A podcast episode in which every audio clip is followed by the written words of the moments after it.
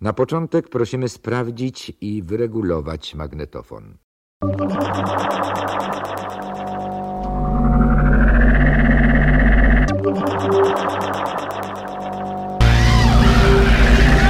Do 16 challenge'ego nominował mnie kolega. Na majku Marian, pozdro Siwers Jakby ktoś nie wiedział, ty powiesz kim jest Marian? Moje sukcesy zliczasz?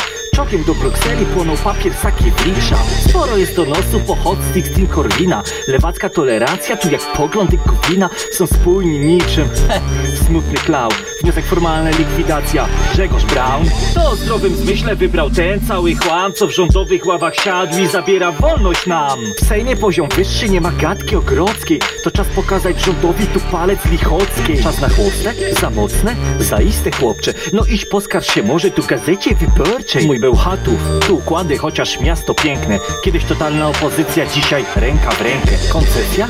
Umowa? Kłamcy muszą kłamać Ludzka łatwowierność, idzie się załamać Czego chce tu w Polsce młode pokolenie? Bo na pewno nie pseudo walki z ostrym łycieniem Szanowni Państwo, gościem wywiadu Wotum jest pan Patryk Marian z Konfederacji, a rozmawiać z panem Patrykiem będą Grzegorz Gawin. i Łukasz Kopczyk. Dzień dobry panie Patryku. Dzień dobry, witam wszystkich radiosłuchaczy. Wywiady Wotum. Tylko prawda jest ciekawa. Y, I przechodząc do pierwszego pytania. Na profilu na Twitterze wymienia pan rosnąco ilość zdobytych głosów w poszczególnych wyborach. Listę kończą trzy litery CDN. Ciąg dalszy nastąpi. A więc kolejne wybory. Poseł Patryk Marian wychodzi na mównicę sejmową i co mówi? No, e, tylko e, tutaj jedno małe sprostowanie, ponieważ em, w pytaniu sugeruje to, że moją działalnością polityczną jest to, aby zostać posłem e, RP. Ja tutaj muszę zaprotestować, ponieważ moją działalnością polityczną jest to, aby zmienić Polskę, e, zmienić na lepsze. I niekoniecznie mm, poseł RP, zależy jeszcze w jakich okolicznościach, ale niekoniecznie ma do tego, mm, że tak to powiem, e, predyspozycję, ponieważ będąc posłem opozycyjnym, e, to mówiąc szczerze, zresztą widzimy po naszych posłach, których jest 11, wykonują wielką pracę polityczną, e, ta praca się czasami nawarstwia. I mm, od, Często obserwując politykę i, i, wszystkie centralne rzeczy, zapominamy o tym, że mamy też dużo do zrobienia w naszych lokalnych społecznościach. E, I mówiąc szczerze, że, mm, widziałbym e, i chciałbym oczywiście pierwsze sukcesy odnieść na poziomie polityki lokalnej, ponieważ jestem mocno związany z moim regionem i gdybym mógł na przykład dzisiaj wylosować kartę posła e, Rzeczypospolitej Polskiej czy prezydenta mojego miasta, to jednak zdecydowałbym się na prezydenta. Ale no oczywiście gdybym został już e, posłem RP i wszedłem na mównicę, no chyba bym powiedział, że naprawdę trudno było do tego dotrzeć, bo e, funkcjonowanie Konfederacji wiąże się z naprawdę z tytaniczną pracą. E, tutaj nic nie przychodzi z góry, bo będąc na przykład działaczem Prawa i Sprawiedliwości, no to po prostu e, osiąga się sukcesy na samej marce. U nas tą markę wypracowujemy skrupulatnie w każdych wyborach. E, no i wypracujemy własnymi siłami, więc gdyby w takim jeszcze okręgu, gdzie mm, moim, czyli jednym z, że tak można powiedzieć, to gorszym, ponieważ nie wiem, tutaj może jeszcze taka mała dygresja jak wyglądają okręgi wyborcze, e, ponieważ Polska jest podzielona na 41 okręgów wyborczych, ale one różnią się wielkością mandatów i e, na przykład z niektórych okręgów, jeżeli mm, jest poparcie w granicach 6%, można uzyskać mandat. Zresztą Konfederacja miała niecałe 7 i, i właśnie to są te okręgi tak zwane biorące, a w niektórych trzeba mieć poparcie w granicach 10%, aby uzyskać mandat i właśnie mój okręg należy mniej więcej do, do, do tego, gdzie trzeba mieć bardzo wysokie poparcie. Także no Mm, na pewno bym powiedział, że bardzo dużo pracy mnie to kosztowało, aby tutaj, tutaj się znaleźć i na pewno nie odpuściłbym łatwo i mocno patrzyłbym na ręce władzy, gdy, gdyby, gdyby, gdybym został właśnie posłem w obecnym kształcie. No chyba, że my będziemy mieć wpływ na władzę, no to wtedy już e, prawdopodobnie zrezygnowałbym ze snu i zajął się ciężką pracą.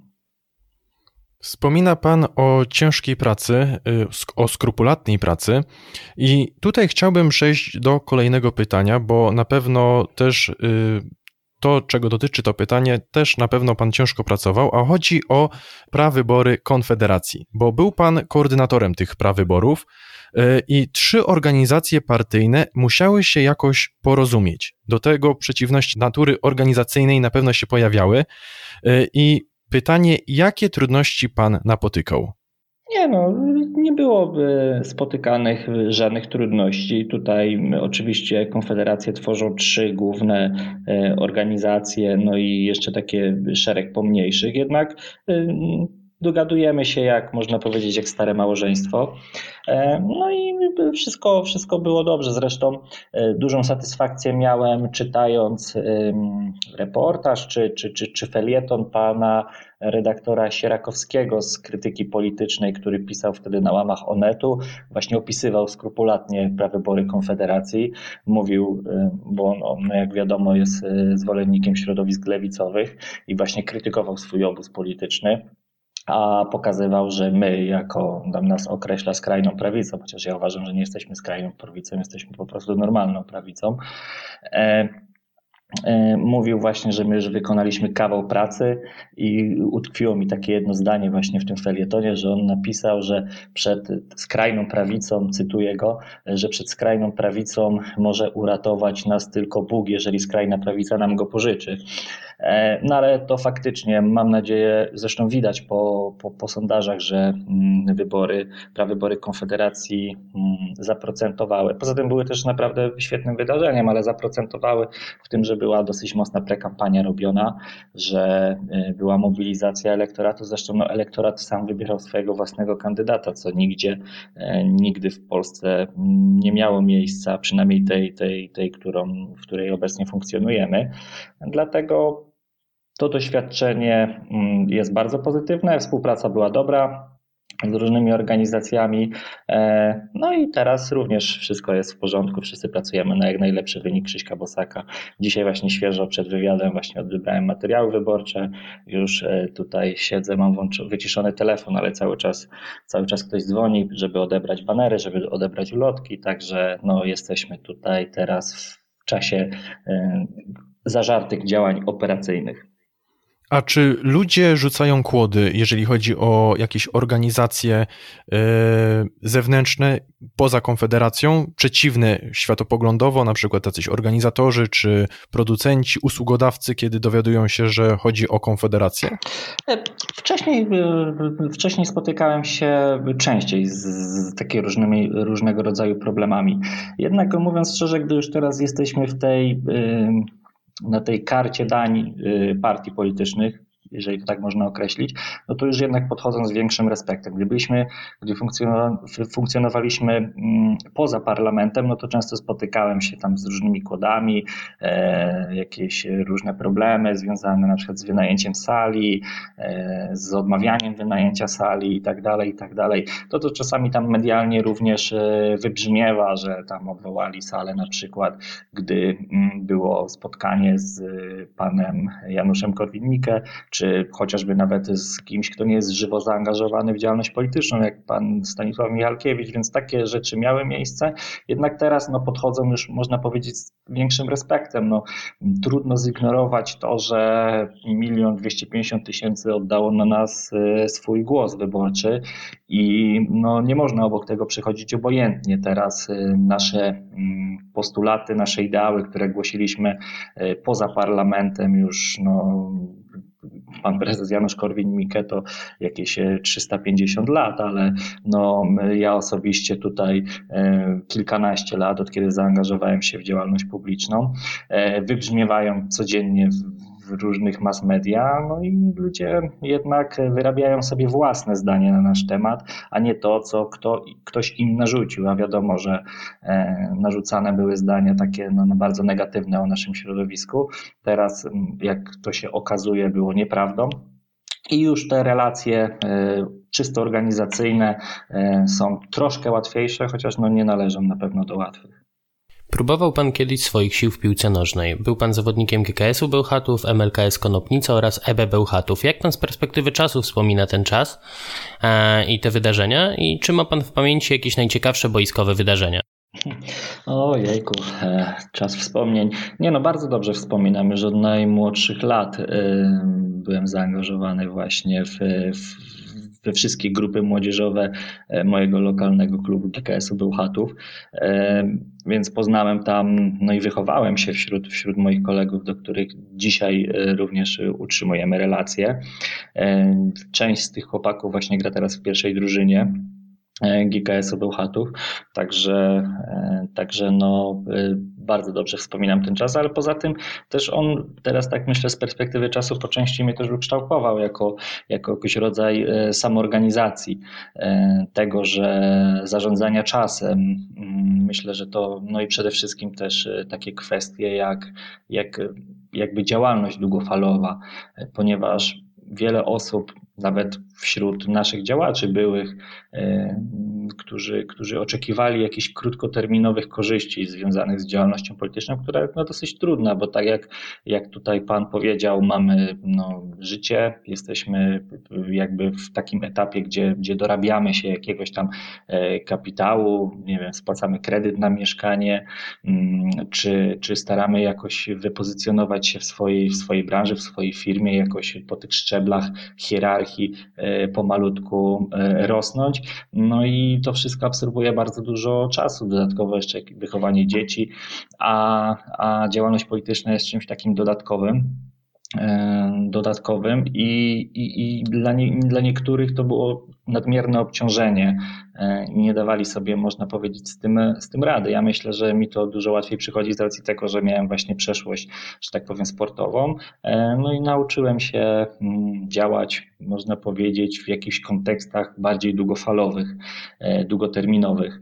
Mm, tak, tak teraz, jak tak można powiedzieć, oglądam się za siebie, to, to myślę, że takie, takie wnioski takie wnioski zostały, e, mógłbym tutaj przedstawić. Dlatego e, często jak na przykład mamy jakieś różne spotkania w miastach, spotykamy się z sympatykami, no i potem rozmawiamy z nimi w podgrupach, e, no i ja mówię, tam widzę, że ktoś jest fajnie ukształtowany światopoglądowo, ma dużą wiedzę ekonomiczną, czasami nawet odnosi już sukces w biznesie mimo młodego wieku, no i zachęcam do jakiegoś tam zaangażowania, do wzięcia odpowiedzialności lokalnej za, za, za, za swoją społeczność lokalną, żeby być dla kogoś autorytetem, kogoś przeprowadzić, e, zadziałać bardziej publicznie, no bo to, to, to, to od tego wymaga też nasza odpowiedzialność, no to często spotykam się z taką reakcją, że no tak, wszystko, no ale nie mam czasu i tak dalej. No ogólnie nigdy nie mamy czasu, tak? Dlatego właśnie zarządzamy tym czasem, aby realizować te rzeczy, które są bardziej priorytetowe na rzecz tych, które są, można powiedzieć, mniej ważne, bardziej błahe i to jest ciągłe. E, więc e, jeżeli ktoś stwierdza, że nie ma czasu, to, to jest prawda, ale nikt nie ma tego czasu i nigdy nie będzie miał tego czasu, tak? Więc y, na tym, na tym to wszystko polega jeszcze w sumie życie w takim burzliwym, dynamicznym otoczeniu jak obecnie, no to już, to już w ogóle. Także no, trzeba po prostu mieć jakieś priorytety i, i, i starać się działać jakoś właśnie projektowo. I myślę, że no, wracając do, do meritum pytania, myślę, że sport, y, piłka nożna mnie tego nauczyła. Z racji tego, że tak jak pan wspomniał, e, ma pan wielu znajomych wśród e, piłkarzy, którzy grają do tej pory w GKS-ie Bełchatów, e, to proszę mi powiedzieć, czy nadal śledzi pan mecze piłki nożnej i czy uważa pan, że GKS może utrzymać się w pierwszej lidze? Hmm. no, oczywiście, że śledzę. No, y, y, jak się już raz weszło do tej rzegi, to, to, to tak łatwo się z niej już nie wyjdzie. Um, oczywiście piłka nożna to jeden z moich ulubionych e, sportów, jakie, jakie obserwuję. E, więc jestem tutaj żywo na bieżąco i to nawet można powiedzieć, że nie takie już środowisko czysto piłkarskie, tylko również jestem takim, można powiedzieć, zagorzałym kibicem piłkarskim. E, jak tylko mogę, to staram się zjawić na stadionie i dopingować chłopaków z trybun, mm, żeby poszło im jak najlepiej. E, no jeżeli chodzi właśnie o tutaj obecną sytuację w naszym lokalnym klubie, to sportowo mm, drużyna myślę, że nie miałaby najmniejszych problemów, aby utrzymać się w pierwszej lidze, ponieważ jest to mm, dobra paczka i był bardzo dobry trener, pan Artur Derbin. Jednak e, no, mm, obecnie mam, są duże zawirowania związane z tym, że strategiczny sponsor się wycofał. E, I e, w ogóle ma, bo też rozmawiamy o polityce, w sumie głównie o polityce, muszę powiedzieć, że to ma czysty kontekst polityczny, ponieważ strategicznym sponsorem była spółka Skarbu Państwa. I w ogóle funkcjonowanie naszego lokalnego klubu e, było mm, brane jako tak zwany łup polityczny, czyli jak jakaś lokalna, głównie lokalna władza mm, jakby zdobyła, zdobyła poparcie e, z tutaj lokalnej społeczności i, i, i mogła mm, działać, to i nie tylko Urząd Miasta i zależne spółki były tym łupem ich, ale i również e, klub. I oni tam dystyngowali najczęściej prezesa, e, jakieś różne osoby i tak dalej. E, no oczywiście tam spółka Skarbu Państwa dawała pieniądze na klub, więc nikt tam się za bardzo nie przejmował. No ale teraz z różnych tam zawirowań politycznych i gier wewnątrz Prawa i Sprawiedliwości e, ten strategiczny sponsor się wycofał i klub popadł w tarapaty finansowe. Trener odszedł, piłkarze nie mają płaconych pieniędzy za, za, za grę w klubie, więc no tutaj jesteśmy na bardzo dużym zakręcie i spodziewamy się tego, że mm, spodziewamy się, można powiedzieć, najgorszego, czyli to, że po prostu klub zbankrutuje. E, no ale no, jak to właśnie również i w polityce, i, i, i w takim e, działaniu e, czy kibicowaniu piłkarskim, sportowym są również zwyż fale, że tak powiem, hossa i bessa. I no teraz jakby tutaj szykujemy się na kryzys jako tutaj środowisko, które wspiera klub GKS Bełchatów, no ale oczywiście jest też coś takiego jak wierność, więc mam nadzieję, że uda się to wszystko jakoś w najbliższym czasie odbudować. To w takim razie jeszcze dopytam, czy jest szansa na znalezienie takiego sponsora w zamian y, za y, spółkę Skarbu Państwa? No myślę, że ogólnie, no to tak, oczywiście, e, ponieważ raczej jeżeli chodzi o możliwości, to tak, jak najbardziej, ale jeżeli chodzi o realia i obecnie funkcjonujący klub i całe to otoczenie i tak dalej, to w mojej ocenie nie, ponieważ zostało to zaprzepaszczone mm, już naprawdę dłuższy okres czasu wcześniej. Zresztą były prowadzone jakieś różne ruchy, znalazł się podobno jakiś inwestor, który miałby wspierać klub, ale no również poszło z tego co ja wiem o jakieś różne personalia, e, gry polityczne i i kibice dali taki transparent, że polityka zabija klub. Myślę, że mieli tutaj stuprocentową e, rację, ponieważ są jakieś różne gry frakcyjne e, wewnątrz obozu władzy i właśnie kosztem tych gier jest to, że e, klub GKS Bełchatów prawdopodobnie zbankrutuje. To w ogóle niesamowite, co pan mówi, że władza na szczycie, tak, to co się dzieje na szczycie, y, ma takie odbicie, odbija się tak, takim echem no, na prowincji, że tak powiem, poza Warszawą. To jest naprawdę zdumiewające. Tak, no bo musi pan tutaj jakby zrozumieć, że Bełchatów to jest taki rejon górniczo-energetyczny. Tutaj mamy największą elektrownię w Europie i mm, kopalnię odkrywkową i to jest główny filar działalności Polskiej Grupy Energetycznej, która jest spółką Skarbu Państwa. Więc no tutaj, mm, że tak powiem, to co się dzieje w Warszawie ma że tak powiem, bardzo natychmiastowe, nagłe reakcje na naszym rejonie, ponieważ no, jest to duży tak jak wspomniałem wcześniej, łup polityczny, już nie mówię o samym klubie, ale o całym tutaj zarządzaniu tym, tym koncernem górniczo-energetycznym, personaliami z tymi związanymi i tak dalej, i tak dalej. Także no, dzieje się. Miejmy nadzieję, że wszystko się wyprostuje i władza pójdzie po rozum do głowy, naprawdę. A przechodząc nieco bardziej do polityki, chociaż no niestety od tej polityki nawet nie odeszliśmy w przypadku sportu, to proszę powiedzieć, jak pan skomentuje całą tę sejmową sytuację związaną z debatą i głosowaniem nad wotum zaufania dla rządu Mateusza Morawieckiego, a także jeżeli chodzi o tę całą chucpę, chyba już można tak to nazwać, jeżeli chodzi o koronawirusa szumowskich, państwa szumowskich i tak dalej. Mhm. No, bardzo ważne kwestie pan poruszył. E, jednak e, tutaj pan powiedział, że nie odeszliśmy od polityki, mówiąc o sporcie. No, prawda jest taka, że polityka otacza nas na każdym szczeblu i jeżeli my nie interesujemy się polityką, to mimo wszystko i tak polityka interesuje się nami. Ponieważ główny prym wiedzą w Polsce jako partie polityczne prowadzą e, te ugrupowania, które są tak zwaną partią sondaży. E, ja tak uważam, Prawo i Sprawiedliwość, Platformę Obywatelską i, i PSL. To są partie, które nie mają żadnych poglądów, nie mają mm, żadnych ideałów, e, tylko i wyłącznie bazują na sondażach, na tym, czego oczekuje większość i starają się wpisać w to. E, więc to jest tak, że oni idą za tłumem, a nie tłum idzie za nimi. E, więc no, każdy, każda opinia większej grupy ludzi ma wpływ na bieżącą politykę e, przy, w przypadku tych partii. To taka mała dygresja. No jeżeli chodzi o to wotum zaufania, tak, które złożył pan premier wobec, wobec siebie i mówią, że Sejm dał wotum e, zaufania rządowi. E, jednak, no, jak pokazało głosowanie, to tylko i wyłącznie członkowie Prawa i Sprawiedliwości dali rządowi zaufanie. Oczywiście rządowi składającego się z działaczy i polityków Prawa i Sprawiedliwości. Zresztą tam wydaje mi się, że jakaś jedna czwarta posłów e, Prawa i Sprawiedliwości jest w rządzie, więc można powiedzieć, że rząd samemu sobie dał, dał zaufanie.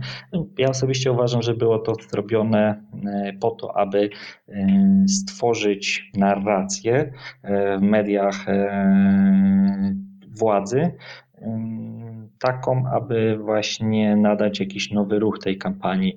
E, oczywiście tylko i wyłącznie dla wyborców telewizji publicznej, no ale no ile można cały czas mówić o, panie, o panu Trzaskowskim i o tym, że tam jakieś gówno płynęło Wisłą, więc e, teraz postarali się stworzyć jakąś nową narrację. Było dosyć mocne przemówienie e, pana premiera, który tam, tam obrzucał opozycję i cały czas się do niej odwoływał, jakby zapomniał, że już rządzą samodzielnie Polską ponad 5 lat.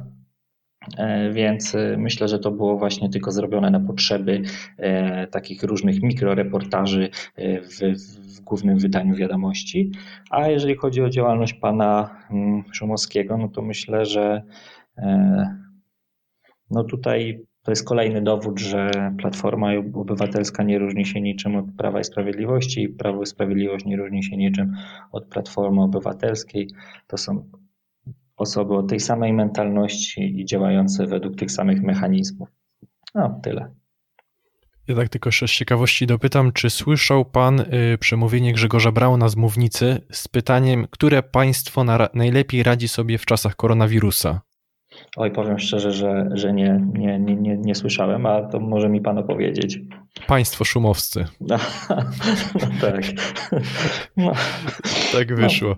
No, e, Grzegorz, pan Grzegorz w ogóle świetnie odnajduje się w tych, w tych realiach i jak już wchodzi na mównicę, to myślę, że no, jakieś 10% ludzi głosujących w Polsce ma uśmiech już w ciemno.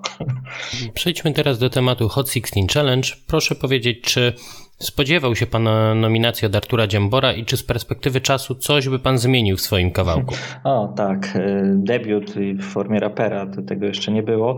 E, powiem szczerze, że oczywiście nie spodziewałem się nominacji, jednak no, e, kolega Artur był na tyle uprzejmy, że napisał mi SMS-a, żebym się szykował, ponieważ właśnie jest w trakcie montażu swojej, swojej gorącej szesnastki, więc chociaż, że tak powiem, nie byłem zaskoczony w formie wideo, tylko byłem byłem zaskoczony w formie SMS-a, więc miałem tam e, jakieś mm, kilkanaście godzin dłużej, więcej czasu, żeby się do tego przygotować.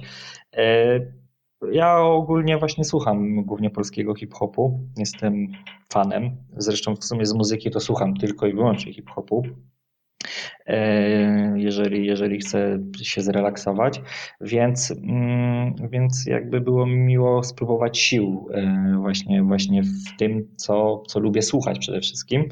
E, no myślę, że nie wyszło aż tak bardzo źle. Starałem się zmieścić w tych ramach 72 godzin, więc ten filmik i również ten montaż nie był do końca dopracowany, jednak zajęło nam tyle czasu, ponieważ robiliśmy to naprawdę czysto amatorsko. Nie dość, że jakby raper E, za Majkiem był amatorem w postaci mnie, to jeszcze kolega, który tam to montował, również też to robił czysto, czysto hobbystycznie, więc, więc było widać i słychać pewne niedociągnięcia, jednak myślę, że nie o, nie, nie o to w tym wszystkim chodziło. Czy bym zmienił? Nie, myślę, że nie. E, tekst to jakby na tym polegają te gorące szesnastki, aby ten tekst płynął jakoś e, w sposób bardziej dynamiczny, można powiedzieć intuicyjny był tworzony, więc również mój był w ten sposób tworzony. E, I ogólnie jestem w sumie zadowolony z tego, jak to wszystko wyglądało.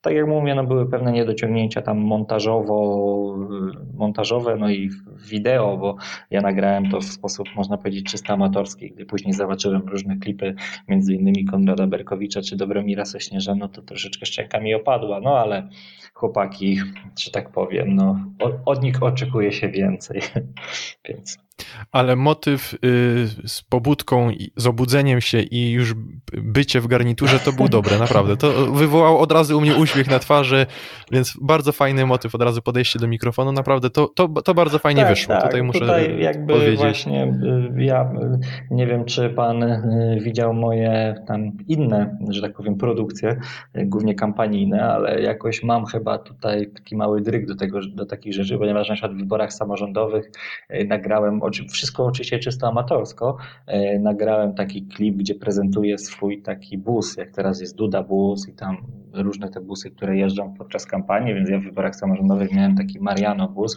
który to był taki bardzo stary y, Warburg, jeżeli dobrze pamiętam. I co ciekawe, y, opublikowałem to oczywiście na swoim Facebooku i ku mojemu zdziwieniu później zadzwonił do mnie znajomy i mówił, że widział mnie w Polsacie.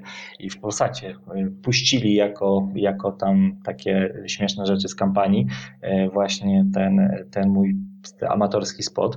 Kolejny mój amatorski spot to w ramach kampanii do Europarlamentu, gdzie powiedziałem, że e, wiedząc oczywiście, że są koszty zwrotu paliwa, bo tak bym się na to nie, że tak powiem, nie podjąłbym tego, bo jakie żeby tego nie podjęła, no ale wiedząc, że europosłowie mają zwrot kosztów paliwa, więc pozwoliłem sobie e, dać obietnicę, że pojadę e, czołgiem do Europarlamentu na moje pierwsze posiedzenie i udało się zorganizować czołg, wszystko było i to ten klip klip y, ku już mojemu totalnemu zaskoczeniu był wyemitowany w głównym wydaniu faktów TVN, tak?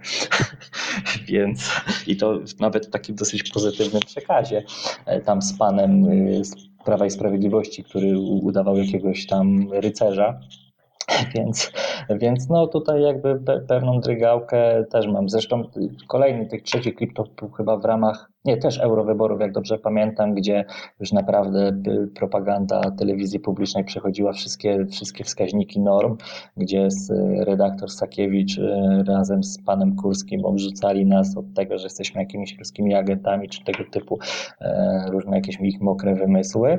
E, więc tutaj też chciałem jakoś w ten sposób zaprotestować i symbolicznie spaliłem egzemplarz Gazety Polskiej pana Sakiewicza, co też rozniosło się dosyć, dosyć, dosyć ładnie, w, przynajmniej tutaj już w świecie internetu, ponieważ e, główne telewizje tego nie, nie, nie, nie puściły, ale w świecie internetu było dosyć, dosyć ładnie, więc no tutaj, że tak muszę się pochwalić, jeżeli coś mi w miarę wychodzi, więc takie te, te spoty, co, coś tam mi wychodzi z tych spotów.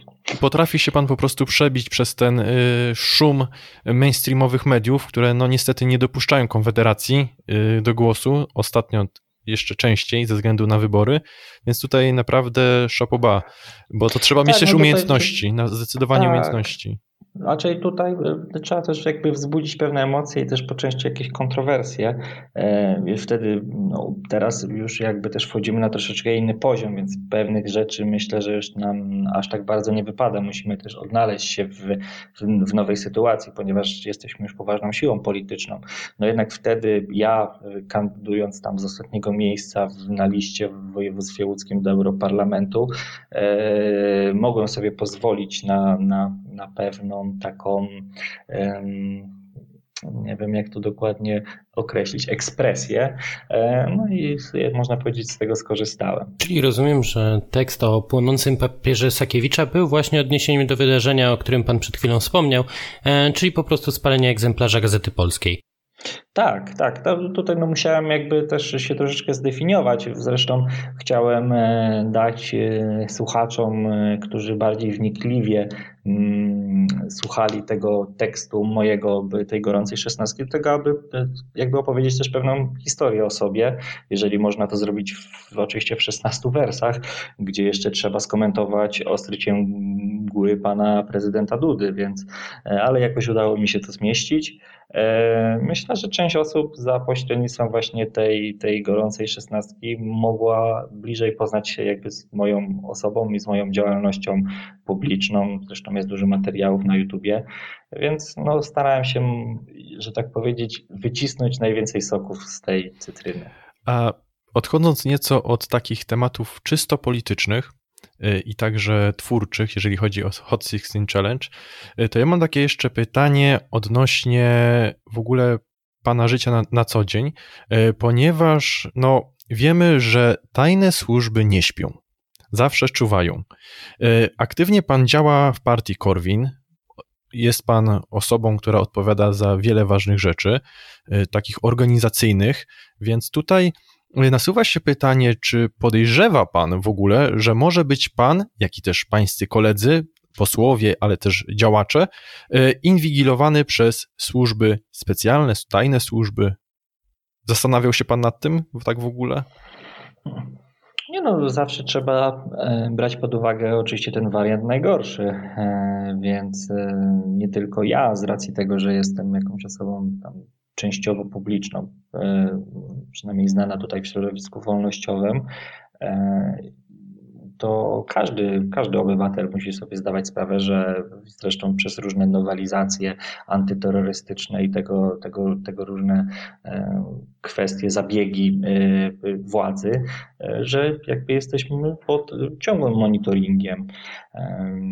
Ja oczywiście tutaj nie, nie obawiam się tego, ponieważ nie mam nic do ukrycia, ale też mam pewną satysfakcję, że nic nie udało, nic nie, nie nie udało się, że tak powiem, złapać, nawet nie złapać, to jest bardzo złe określenie, e, wyciągnąć na, na, na, na, na liderów Konfederacji, gdzie był ten okres e, naprawdę par, kampanii parlamentarnej, gdzie mm, Prawo i Sprawiedliwość e, robiło wszystko, abyśmy jednak nie znaleźli się w Sejmie, żeby oni mieli monopol na prawej stronie chociaż z prawą stroną nie mają za dużo wspólnego. Zresztą o tym mówił bardzo bliski współpracownik pana Jarosława Kaczyńskiego, pan Lipiński, że, że przez całą działalność polityczną koncentrowali się głównie na tym, aby na prawej stronie nic im nie wyrosło. Więc mając cały aparat władzy, wszystkie instytucje państwowe, zakładam, że nasi liderzy zostali bardzo mocno mm, prześwietleni e, i to, że nic nie, nie udało się E, tutaj za, zarzucić naszym, naszym liderom, to bardzo dobrze o nas świadczy. E, jeszcze tak pozostając w temacie, no e, myślę, że w ogóle musimy być bardzo wyczuleni na te kwestie i nie podchodzić też do tego na, do porządku dziennego, gdyż widzimy to, co się dzieje w Chinach, jest jakiś w ogóle specjalny program punktowania obywateli, gdzie inwigilacja jest już jawna i, i, i tak zakrojona, że, że nawet nie jesteśmy w stanie sobie do tego wyobrazić, gdzie obywatel jest punktowany i potem ma na przykład lepszy dostęp do hoteli czy, czy, czy podróży samolotem. E, więc to się w Chinach już dzieje. Mm, jest to naprawdę bardzo niebezpieczny precedens, ponieważ no wiemy, że e, jesteśmy w Unii Europejskiej. Unia Europejska i jej liderzy również nie, mają, nie prowadzą tego w sposób, że tak powiem, dobry, logiczny. Zresztą Unia już wyrzekła się tych, tych rzeczy, do których została powołana, czyli do e, funkcjonowania gospodarczego i do wymiany towarów, usług i kapitału, a stała się, stała się super państwem e, i, i real, będzie, bawiam się, że w niedalekiej przyszłości możemy również e, spotkać się z tym, co dzieje się w Chinach, więc no tutaj nie dość, że musimy zakładać, że jesteśmy ciągle kontrolowani, to również protestować e, na wszelkie poszerzania tych, tych, tych rzeczy, jak i również no, to, co już zostało zostało zrobione. E, musimy walczyć o swoją prywatność, no bo jak my tego nie zrobimy, to nikt za nas tego nie zrobi, ponieważ to jest tylko i wyłącznie w naszym interesie, aby zachować swoją własną prywatność. Bardzo dziękuję e, panie Patryku za rozmowę. To już było ostatnie pytanie e, i życzę panu w imieniu swoim i także w imieniu Grzegorza samych sukcesów na polu politycznym, jak lokalnym, jak i tym ogólnokrajowym. No i tylko nic, instalować Signala, tak, żeby zachować yy, swoją prywatność. W takim razie bardzo panu dziękuję za rozmowę i że zgodził się pan yy, z nami porozmawiać. E, przede wszystkim to ja dziękuję za zaproszenie, że miałem okazję tutaj z, z panami porozmawiać yy, i również życzę wam, aby kanał, który tutaj tworzycie, oddolnie miał, osiągał satysfakcjonujące wyniki, które sobie tutaj zakładacie, a wszystkich radiosłuchaczy, którzy przebrnęli z nami przez, przez tą rozmowę, serdecznie pozdrawiam i życzę wszystkiego dobrego. Słuchałeś podcastu Wotum. Jeżeli nie chcesz przegapić kolejnego wywiadu, obserwuj nas na Spotify lub na innych platformach podcastowych. Polub nasz fanpage na Facebooku. Subskrybuj kanał Wotum na YouTubie. Nie zapomnij również skomentować i dać łapki w górę. Wszystkie linki znajdziesz w opisie.